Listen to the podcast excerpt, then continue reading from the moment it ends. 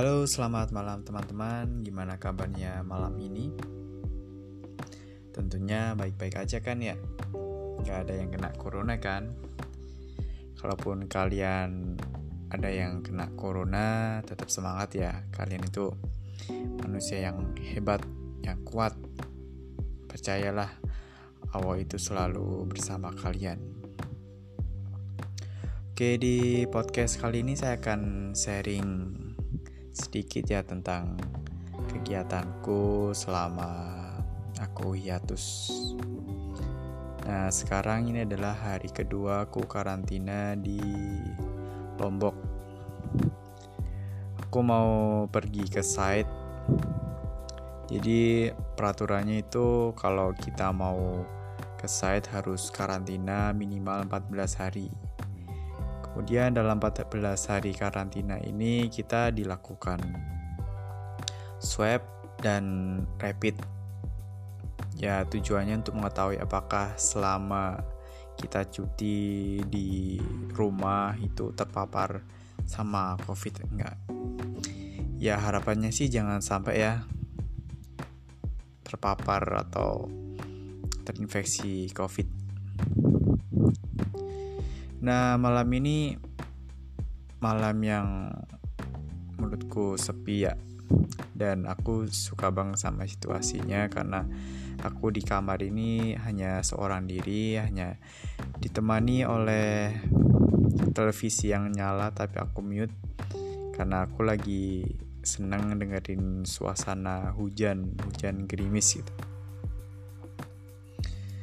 Malam ini dengan aku menghidupkan tiga lampu itu membuat suasana di hotel itu semakin uh, dramatis atau lebih tenang aja bawaannya.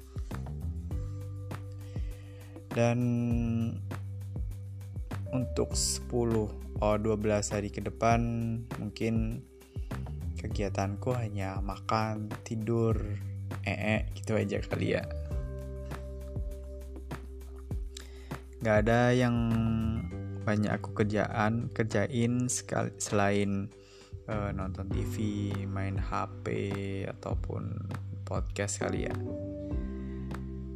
Selama karantina ini aku nggak bisa keluar karena karantina yang ini kita masuk karantina yang ketiga kalinya ya kalau karantinanya sebelum-sebelumnya kita masih boleh keluar ya. Kita bisa senam bareng sama teman-teman. Tapi karena di site situasinya lagi agak hetik karena uh, banyak kasus yang istilahnya um, hasil swabnya banyak yang positif. Jadi untuk karantina karantina ini kali ini lebih ketat hari ini mungkin aku akan share ini aja ya mungkin ke depannya akan share pengalamanku lagi selama karantina. Ya pokok 12 hari ke depan saya masih tetap sama yaitu makan tidur ee dan menikmati waktu dengan ketenangan karena saya jujur sih saya suka dengan ketenangan dan menikmati suasana dengan damai. Semoga hari-hari kalian tetap bersemangat, jangan lupa untuk selalu bersyukur dan bersolawat dan yakinlah Allah itu selalu bersama kalian.